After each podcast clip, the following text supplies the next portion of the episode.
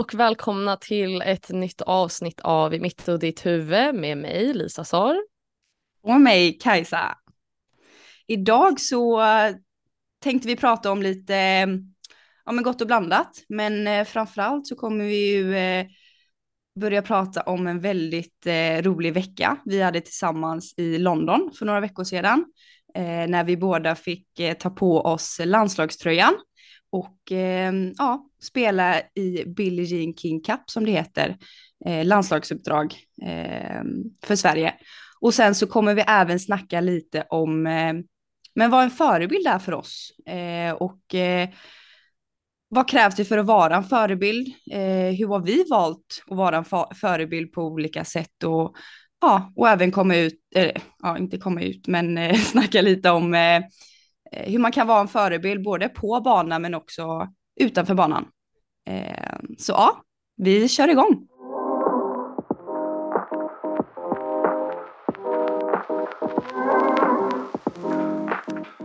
Eh, Okej, okay. eh, vi Billie Jean Cup som du sa, eh, landslagsuppdrag eh, för dig och mig för några veckor sedan i London. Ehm, vad, vad, vad var det, vad är det? Kan du ge oss en liten eh, överblick vad, vad det var som hände och vad, vad var det för något egentligen då? Ja, alltså vi spelade ju en match mot eh, Storbritannien, en playoff-match som det kallas, eh, där vi skulle spela om en plats i den högsta divisionen kan man säga. Eh, mm. För en lag-EM. Precis, vi, vi, vi spelar dem. Men jag vi, måste, vi, måste, vi måste snacka fotboll så att alla förstår. Nej men vi, vi, precis, det var kval till allsvenskan kan man säga. Det här är VM. VM, VM i tennis är ju egentligen definitionen av Exakt. Alltså Billie Jean Cup. Ja. Så kan man säga verkligen. Eh, och eh, vi fick ju chansen eh, att spela den här playoff-matchen på grund av att vi eh, vann vår eh, kvalgrupp i våras där eh, ja, vi var i Turkiet i Antalya och eh, fick spela ja, sjukt många matcher. Jag tror det var typ så här sex mm, lagmatcher under en vecka där vi eh, som lag då tog oss vidare och fick chansen nu i november eh, att spela om en plats i högsta divisionen. Eh, ja, och Lisa för dig, det var första gången du fick ta på dig landslagströjan som i ett seniorsammanhang, eller hur? Ja, exakt. Um, där i Antalya, Turkiet, då var jag i USA på college fortfarande och hade inte möjligheten att uh, komma över och spela, men satt ju och hejade på bortaplan uh, och såg er uh, kriga i vindar och blåst och lite regn tror jag till och med det var, ja, allting. Ehm, nej men så det var jättekul att få, som du säger, göra debut. Ehm, det, alltså det var ju hela grejen tror jag. Det är första, okej okay, det är landslagsdebut, men också så här, vad är det jag gör debut i? Så här, den typen av matchen, en playoff-match mot London på en arena som håller, hur mycket var det? Vi kom fram till till slut typ, typ 6000 personer. Ja, ja. Eh, du vet hela det upplägget, eh, vilket är sjukt kul. Ehm, så jag var verkligen så taggad. Men jag tror ju, alltså jag vet inte hur det var för dig, men jag menar, du var ju liksom, jag, låt säga jag gled in på en räkmacka, men jag var ju liksom inte med när ni vann den. Så jag, jag vet inte, hade du en annan upplevelse för dig att du var där, vann och sen nu fick du liksom ta lite del av liksom det jobb du och ni eh, hade gjort innan? Ja, alltså det är ju lite som du säger, när vi var i Antalya och spelade i våras, det var ju jäkla eh, kämparinsats från första till sista dag. Det var blåst vissa, vissa dagar, det var liksom regn vissa dagar, det var framförallt stentuffa matcher från ja, men dag ett till eh, tills vi åkte hem. Och eh, jag ska vara helt ärlig att eh, jag hade inte förväntningar, eller jag kanske inte riktigt trodde till 110 procent att vi bara, ja, vi går in och vinner den här gruppen och får spela en playoff-match. Mm. Eh, för jag har inte gjort det innan och eh, Ja, och det men... var så tuffa liksom, motståndare. Alltså, ja men verkligen, alltså, på pappret lag, så, så mm. vi hade ett jättebra lag också, men eh, på pappret, alltså vi mötte extremt bra spelare. Eh, men ja, som lag och jag får ju framförallt med Rebecka Petersson, mm. vår bästa eh, svenska eh, damspelare, var ju med då och även Johanna Larsson då som var coach. De har ju väldigt mycket mer erfarenheter än kanske vi andra i laget och de trodde ju på det. Alltså de, och de smittade av den eh, tron till oss i, om en hela laget så um, jag lärde mig väldigt mycket den veckan och eh, ja, vi krigade oss till en vinst och sen när vi fick chansen då eh, åka till London och spela den här playoff-matchen, då kommer man ihåg så här, fan, om vi, om vi klarade av sist att vinna den här gruppen, varför skulle vi inte kunna klara av att vinna nu mot Storbritannien? Och sen mm. samtidigt så komma ihåg alltså hur mycket vi kämpade den veckan där i, men i våras. Alltså nu tar vi vara på det här tillfället.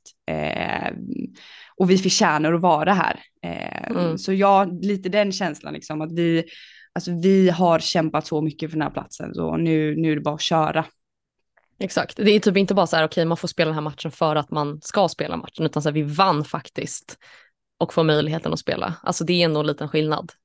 Eh, ja, även fast jag inte spelade då. Men, eh, ja, och, ehm, jag, och jag vet, alltså jag vet, det hoppas jag att du också känner och jag kände ju verkligen att vi, nu förlorade vi ju den här matchen mot Storbritannien, men det kändes mm. ju som att alla i vi laget verkligen, om jag tog in varenda sekund, eh, om liksom, ja, vi gjorde exakt allt vi kunde, vi trodde stenhårt på vinst, eh, men vi kunde liksom också njuta varje sekund av att vara där och vara på den banan framför så många människor. Mm. Ja men eh, verkligen, alltså det, det är ju lite annat att spela för Sverige och spela för någon annan än sig själv. Alltså jag vet inte hur du känner men det är ju det är ju mer en ära, men det blir en helt annan tyngd. Alltså att man känner typ som mer ansvar och man vill göra så bra ifrån sig för man är så här, jag spelar inte bara för mig själv utan för ett helt land. Alltså det blir ju verkligen så. Eh, och eh, alltså jag fick verkligen sådana känslor, du vet när vi gick in på den här stora arenan då vi spelade på och sen spelade de Sveriges nationalsång. Alltså då var det så här, wow, alltså det är klart att man alltid tänker det är stort att spela för Sverige, men ibland så kanske man inte riktigt förstår det eller så man känner inte. Men då kom jag ihåg när vi alla står där uppradade, det är helt tyst och man bara hör de svenska nationalsången, alltså då var det verkligen så här goosebumps, goosebumps moment. Eh, mer typ också som du säger, att här, man har jobbat hårt för att det blir så här, okej, okay, man har kört, man har tränat och du vet, nu står man här och får spela för ja, något större än sig själv.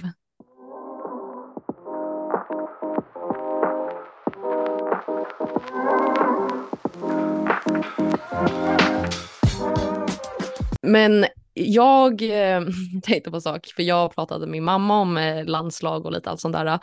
Eh, och då sa hon just att för mig så är Kajsa landslag. Hon är, hon, hon har alltid varit en så bra, liksom, person som är kopplad till just landslag, har alltid varit så positiv till att spela landslag, har man alltid känt att så här, det brinner verkligen inom Kajsa och Kajsa brinner för att spela för Sverige och spela för sitt land och landslag. Ända sen, mamma bara ända sen hon var liten, alltså nu snackar vi inte bara senior och de här stora matcherna man får på arenor, utan så här, få åka till Rumänien och spela en liten liksom 12-års-EM, alltså de redan då så jag tycker det är så kul just att för henne är du landslag så att du vet. Eh, men vad, alltså känner du så eller hur, alltså vad är din koppling? För obviously det är stort, alla vill spela för Sverige men det känns ja. som att du har lite extra jämfört med de flesta jag har träffat min, alltså inte bara från Sverige men andra kulturer ja, och länder också. Ja, och det, alltså det är verkligen så jag känner också. Eh, och mm. jag vet inte exakt varför det har blivit så. Men enda som jag kan minnas, och det är verkligen som du säger, första gången jag fick liksom, ta på mig landslagströjan och spela för Sverige, det var ju när jag var 12 och skulle åka på mm. lag mm. i Rumänien som du sa. Ja, det var det. ja, och det var liksom på världens skitställe. Men det var ju det största jag upplevt i livet. Alltså mm. min familj åkte med för att uppleva mm. det här. Det är liksom så här, ja, vår dotter ska spela mm. i landslaget. Jag vet inte hur många gånger jag får göra det här igen. Eh, exakt. Men jag har alltid, alltid, alltid, alltid tyckt att spela för Sverige är det största och mäktigaste eh, man kan göra. Och då är det inte bara tennis, då är det verkligen alla idrotter som finns. Och det har ju levt kvar i alla år och även nu. Och det, så känner jag ju att det kommer vara resten av livet. Jag känner ju verkligen så här att om det är någon gång jag ska prestera och ta fram min bästa tennis, då väljer jag ju alltid helst landslagsuppdragen. Och det är nog för att jag känner att jag spelar för, jag spelar inte bara för mig själv där. Det är som du säger, jag har ett större mm. ansvar när jag har på mig landslagströjan. Mm. Jag, spelar för, jag spelar för vårt lag och jag spelar för ja, men he, hela svenska befolkningen. Mm. Och det, det, är intressant för att så är det för dig, men jag kan tänka mig att i, i någras öron kanske det här låter som världens självklaraste sak och är så här, ja det är väl såklart. Men för andra så kanske inte det alls är självklart. Alltså nu pratar jag inte bara tennis, men andra sporter, det är jättemånga som Alltså så här, fotboll, du vet man kanske inte är jätteinvesterad i att spela landslag utan man hellre eh, åker och spelar slutspel i, vi säger någon Champions League eller något annat. Alltså det kanske inte väger lika tungt. Eh, och nu menar jag inte så här, ja, en liksom VM-titel eller Champions League-titel, att man ska värdera just det, men själva känslan i sig är ju olika från alla individer. Eh, så mm. jag, jag, tycker bara det är sjukt fett och häftigt också att du är så stolt och känner de känslorna. Eh, och jag känner ju likadant, men det är verkligen så kul att se den där glöden eh, som du säger. Eh, Alltså det är liksom lite samma sak som när du pratar om guys liksom. Det är så här, man är så här wow, här finns ja. det glöd. Alltså det är liksom så här. Eh, ja. Vilket är så sjukt kul. Eh, och det är ju roligt att få vara liksom med i samma lag för då bygger man ju på det. Och vilket jag tyckte mm. att mm. det blev känslan framförallt i London att det var liksom det var den glöden eh, i, ja, i allas ögon och det och det eh, gör, ju, det gör ju, alltså det är inte bara ja, men tack vare mig att jag brinner för det. Jag Nej. brinner ju för att jag känner att hela mitt lag är liksom Exakt. som en, ja, men det blir ju ringa på mig var jag än. Exakt. Så för mig är det liksom en självklarhet att ja, men vara där och, och kämpa för Sverige. Men som du säger, för en annan så, så finns den här glöden i, ja, men som du säger, Champions League eller ett annat sammanhang. Eh, och det är helt fint, men jag tycker bara det, det är ju roligt när man väl hittar någonting som man brinner för extra och verkligen får liksom ta fram sin fulla potential i.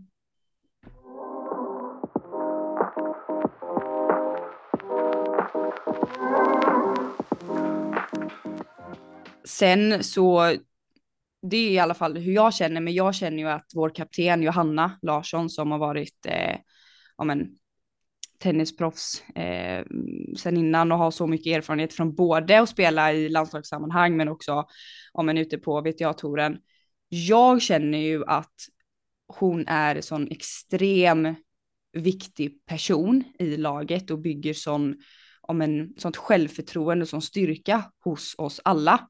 Eh, och för dig då som, det var ju första gången du var med i seniorlandslagssammanhang, hur känner du? Hur viktig var Johanna att ha, liksom, ja men egentligen under hela veckan? Ja, alltså big shout out, big shout out till Johanna. Eh, Johanna, if you're listening, you do great. Nej, men eh, nej, men alltså som du säger, jag, alltså ledare generellt är ju jätteviktigt, Eh, men speciellt just i lagsammanhang och sen sammanhang där som vi är individuella spelare och sen så ska man helt plötsligt under en helg vara ett lag. Alltså det är lite en speciell, eh, speciell, alltså både känsla men också dynamik och få ihop det. Eh, och sen speciellt göra något som jag aldrig har gjort förut och sen även om ni andra hade då representerat Sverige, det är ju ett nytt sammanhang också för er, att spela den typen av matchen på den arenan, alltså det är ju så mycket annat. Eh, det är ju inte heller bara liksom bara för att nu spelar man för Sverige så har man gjort det. Och även om man har gjort någonting innan så får man ju känslor och upplevelser och tankar. Eh, men jag tycker att Johanna var så bra i att dela med sig av hennes erfarenheter och lärdomar eh, i och med att hon har så otroligt mycket erfarenhet och lärdomar.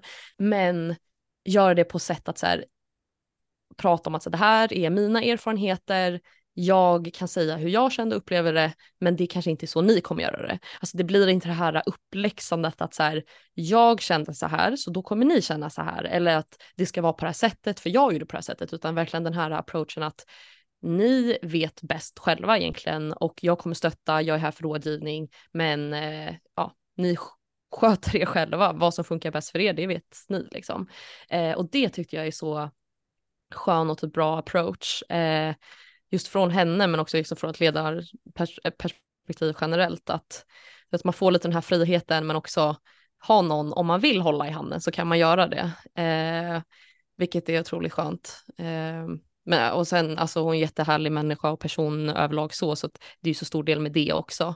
Eh, men jag, nej, igen, big, big shout Mm. Vad känner du? Nej men exakt samma.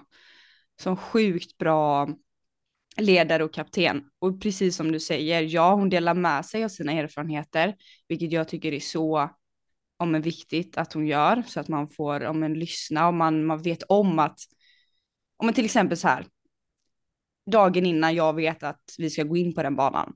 Jag är alltså löjligt nervös, både på bra och dåligt Eller som du brukar liksom. säga, bajsnervös. Ja. Exakt, det kände jag ändrar ordvalet. Men nej, okej, okay, jag var bajsnervös. Ja. Um, och jag bara, jag säger liksom till Johanna så här, ja jag känner så här och så här och så här. Och ofta när man pratar med, med någon utomstående som inte har varit i den här situationen så får man ju höra en sak, vilket också kan vara väldigt bra. Men det var som när jag sa det till Johanna, hon visste exakt hur jag kände. Hon visste exakt vad hon skulle säga, så när jag går därifrån så är jag så här, alltså det här, nu, nu kör vi. Det här kommer bara bli så roligt och jag kände på riktigt att inte bara för att hon satt på den bänken, att hon har min rygg verkligen, alltså i alla lägen. Hon kommer stötta mig och hela laget oavsett vad som händer och jag kände verkligen det, alltså till 100 procent och det tycker jag är alltså verkligen all cred till henne. Hon, ja, utan henne då har vi förlorat eh, stor styrka i vårt lag så nej. Mm. Johanna, du är bäst. Du är en riktig förebild alltså.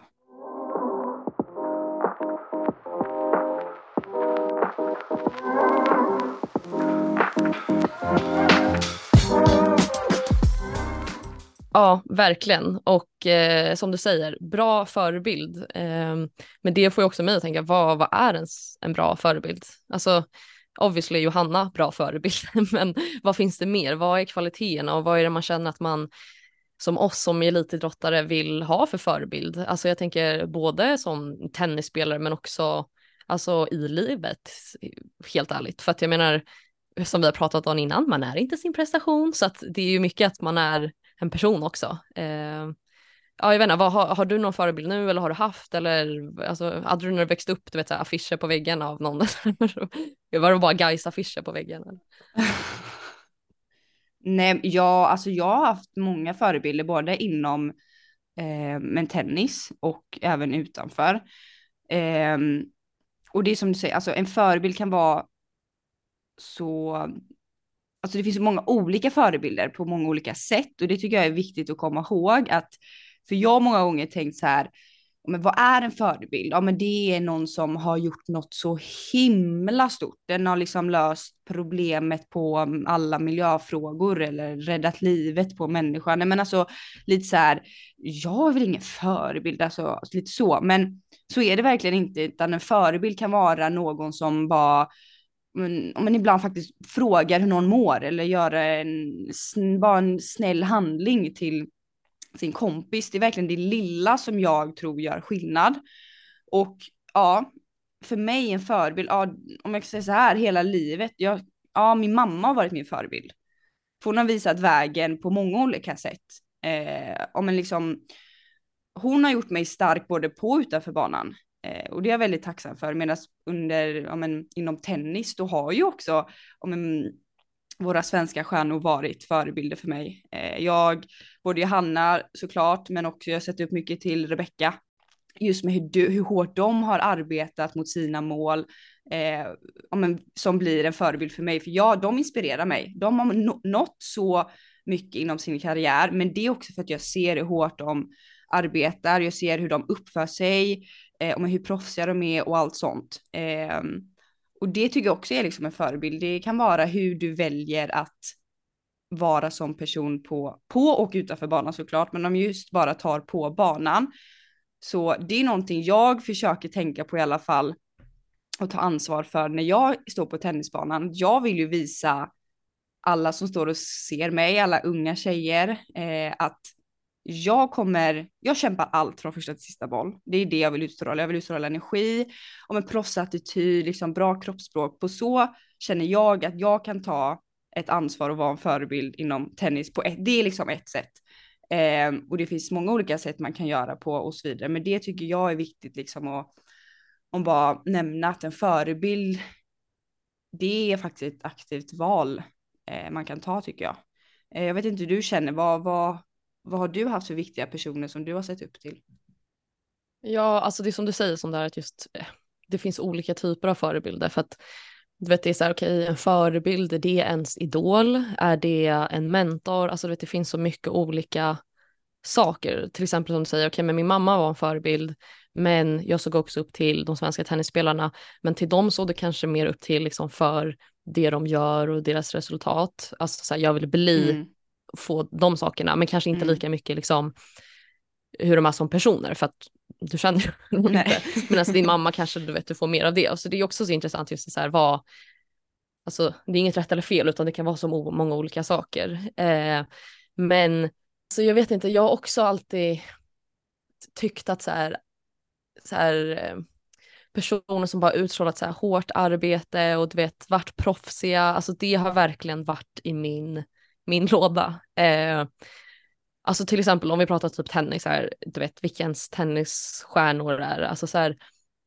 vissa kanske har Kyrgios som sin idol, eh, och nu är det inget att jag roastar Kyrgios och du vet allt sånt där, men i min värld, han, han gör ju allting på sitt sätt, men han är ju mycket mer lite så här, gör det på sitt sätt, det går lite som det går, alltså du vet lite så här, det är inte ordning och reda på den här killen.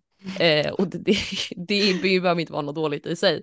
Men det har liksom inte varit det jag går efter, utan då är jag mer mm. så här, men jag vill ha en typ, alltså så här, Rafael Nadal som är mm. liksom, du vet det är hårt arbete, det är noga och du vet mm. det är så här.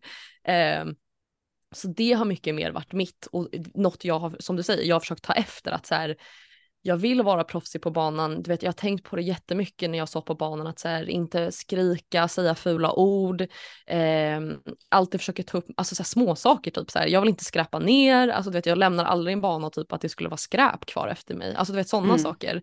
Eh, för att jag är så här, man vet aldrig vem som ser och det är liksom bara visa en bra approach. Eh, jag menar, det var också en liten del av varför vi startade den här podden. Alltså för att kunna vara eh, förebilder eh, mm. på vissa plan om, ja, att så här, man kan prata om saker och allt däremellan. Eh, men det är också jättetacksamt just under min collegekarriär, för där var vi väldigt noga just för där ungefär som att du spelar för ett landslag, där representerar ju du något annat än dig själv. Och då blir det också så viktigt att vara bra förebilder för att du representerar något annat. Alltså du mm. spelar mm för något större så att om du gör någonting dåligt då kommer folk komma ihåg det för att du spelar för den här typen av skolan eller att du gör någonting bra med det på den typen av skolan. Det blir som något annat. Så till exempel när du spelar för Sverige där på London, alltså så här, det du gör påverkar också Exakt. svenska landslaget. Ja.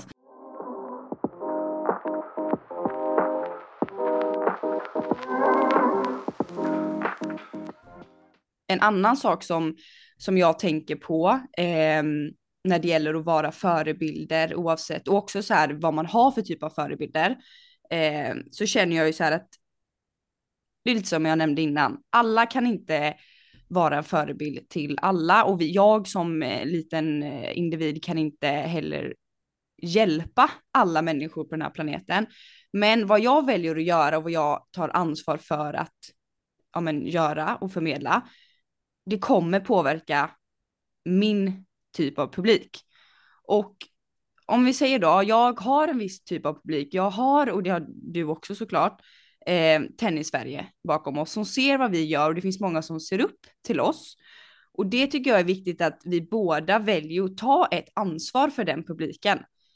Mina värderingar som sagt, ja, det är att jag tycker, jag vill förmedla att hårt arbete lönar sig. Jag vill förmedla proffsig attityd, inställning, kämpaglöd och att jag är liksom en bra och snäll och trevlig människa på och utanför banan.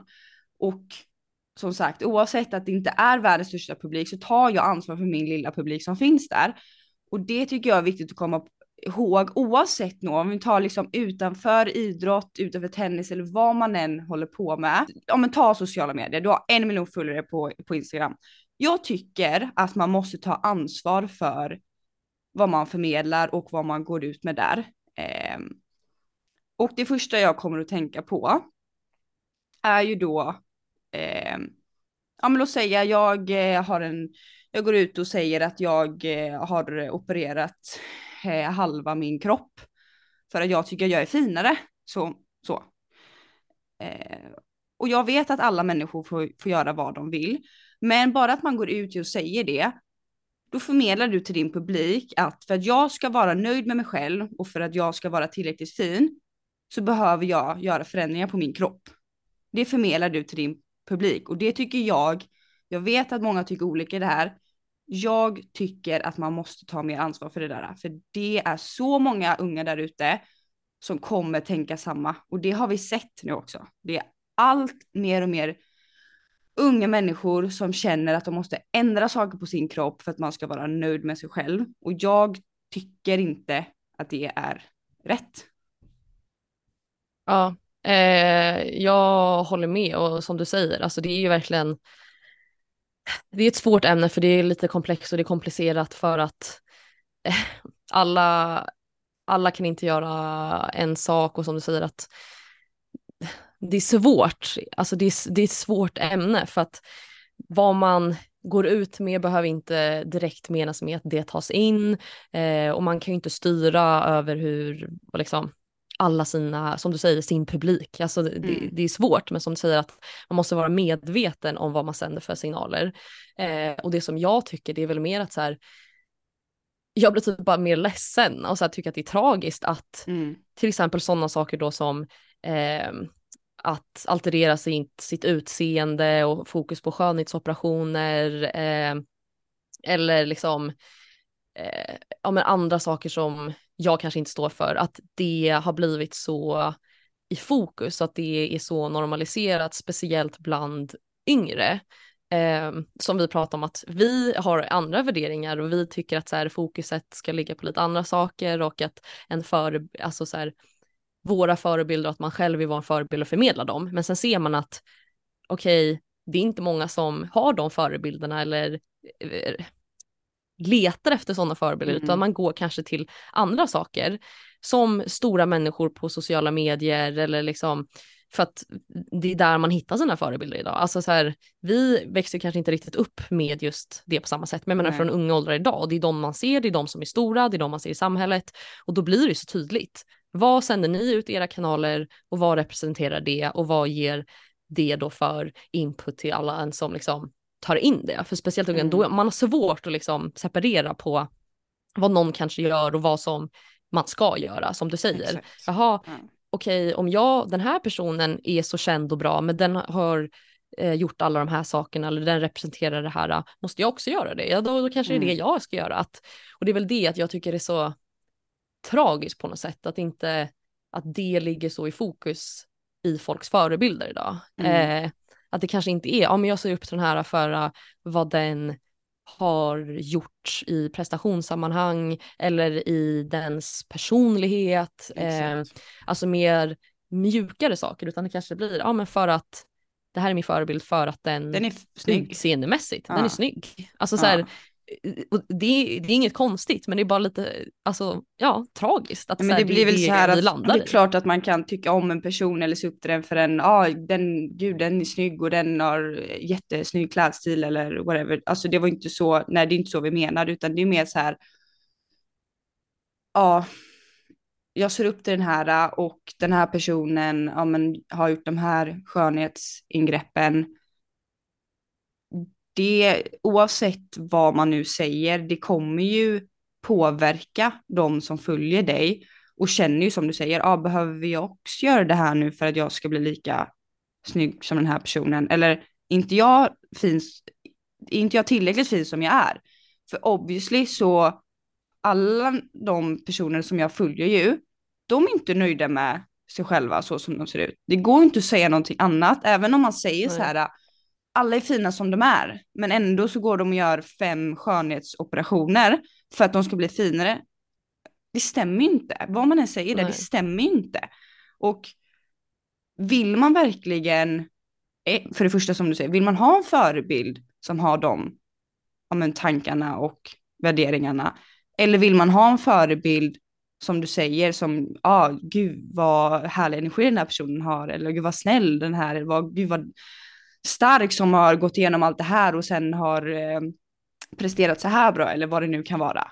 Eh, så ja, det är ju verkligen någonting, jag tycker det är som du säger, det är lite sorgligt tycker jag, eh, just idag att det har blivit lite, eh, ja, skevt med vilka förebilder man väljer att ha. Exakt, och jag tror att sen kanske inte det är heller att man gör det här aktiva valet att så här, ja det här är, du vet att man kanske inte ens tänker efter utan det bara blir att så här, det här är den jag ser upp till, det är den här jag mm. konsumerar mm. och den här jag gör. Och sen undermedvetet så påverkas man ju av det. Eh, alltså man brukar ju säga att så här, de sex personerna i din omgivning, det är det du påverkas av. Mm. Eh, och det blir ju på något sätt eller annat en typ av förebild som man då väljer att lyssna på för man tar in det, även om man inte aktivt liksom skulle lista det som sin förebild. Eh, och det är väl också det som också är lite läskigt, att så här, det bara blir så normaliserat. Förstår du? Det är inte ens, man reagerar inte ens längre. Nej, alltså, nej. Det är inte ens konstigt att eh, man ger ut liksom rabattkoder för bröstoperationer. Alltså, ja. så här, det är inte ens konstigt typ. Och det är nej. väl det som är, som vi säger, som blir så ledset och tragiskt. Som man är så här, Alltså det är läskigt tycker jag verkligen. Ja, och då är det så här, var det det vi den här världen skulle komma till? Ja. Nej, men alltså lite så att, eh, mm. ja.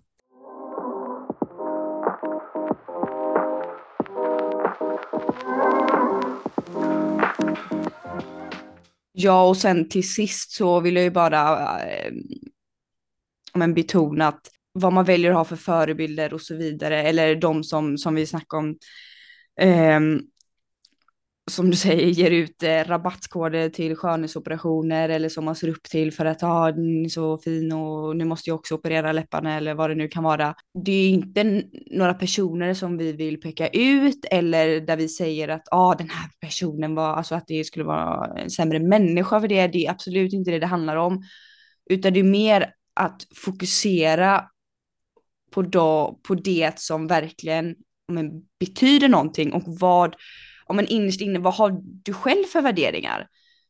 Alla är fina exakt som de är, helt naturliga utan att operera liksom en enda kroppsdel. Fokusera på det, på, liksom, ja, men, på det som verkligen betyder något, på dina värderingar. Hur vill du vara en förebild?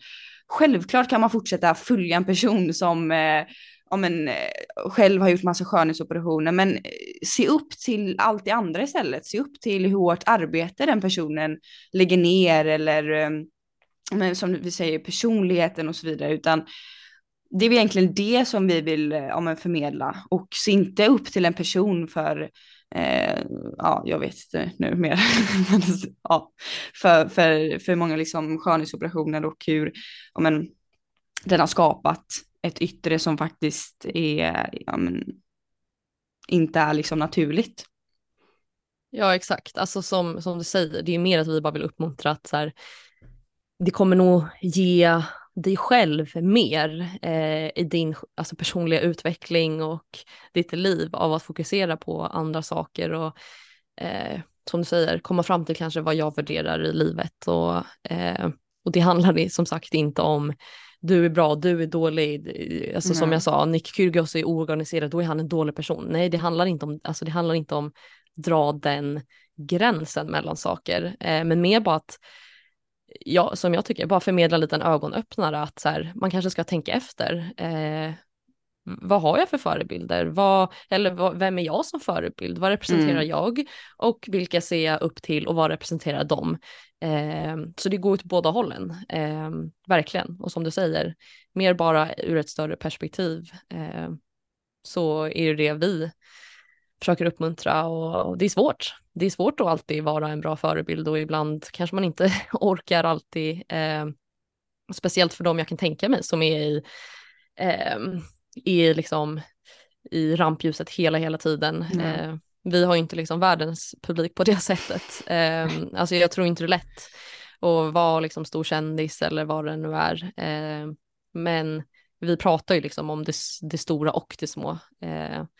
Så igen, återigen, bara att få sig en liten tankeställare och bara kanske tänka efter. Eh, ja, Eh, och sen så ibland, du vet som jag brukar prata med, med folk, att så här, okay, men vilka följer ens på Instagram? Alltså bara en sån Exakt. sak. Det är kanske inte kopplat till att ah, det är alla mina förebilder, men att så här, okej, okay, får jag positiv energi av det här? Mm. Eh, mår jag bra av det här? Vad förmedlar det?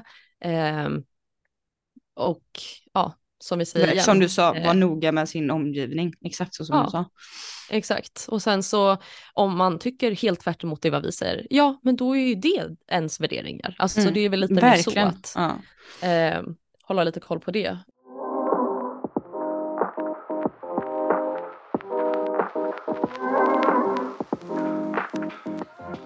Eh, ja, och som, som avslutning då, alltså nu har vi pratat om stora och små saker just med eh, förebild och ting, men alltså jag vill bara också ge en stor shout-out till alla verkligen förebilder där ute, eh, stora som små, som gör lite skillnader i vardagen till det bättre, hjälper folk, eh, för det är sånt som jag värderar, så att jag tycker det är så otroligt häftigt när man ser allt det goda folk gör eh, och det inspirerar verkligen. Eh, om det är en tränare, lärare eller vad, vem egentligen som helst, eh, familj, vänner, alltså det är verkligen högt och lågt. Eh, så bara en liten shoutout till alla, alla förebilder. Eh, och eh, ja, återigen, uppmaning att bara se dig omkring, vilka du har i din omgivning. Eh, och sen eh, lite Heja Sverige kanske också. Ja. det fick vi med också. ja. um, men eh, det var det vi hade för veckans avsnitt. Uh, och återigen, ni kan följa oss på Instagram, mitt och ditt huvud. Och uh, ja, så hörs vi till nästa gång. Ja, tack så jättemycket för att uh, ni lyssnade på det här avsnittet. Ha det så bra. Hej då!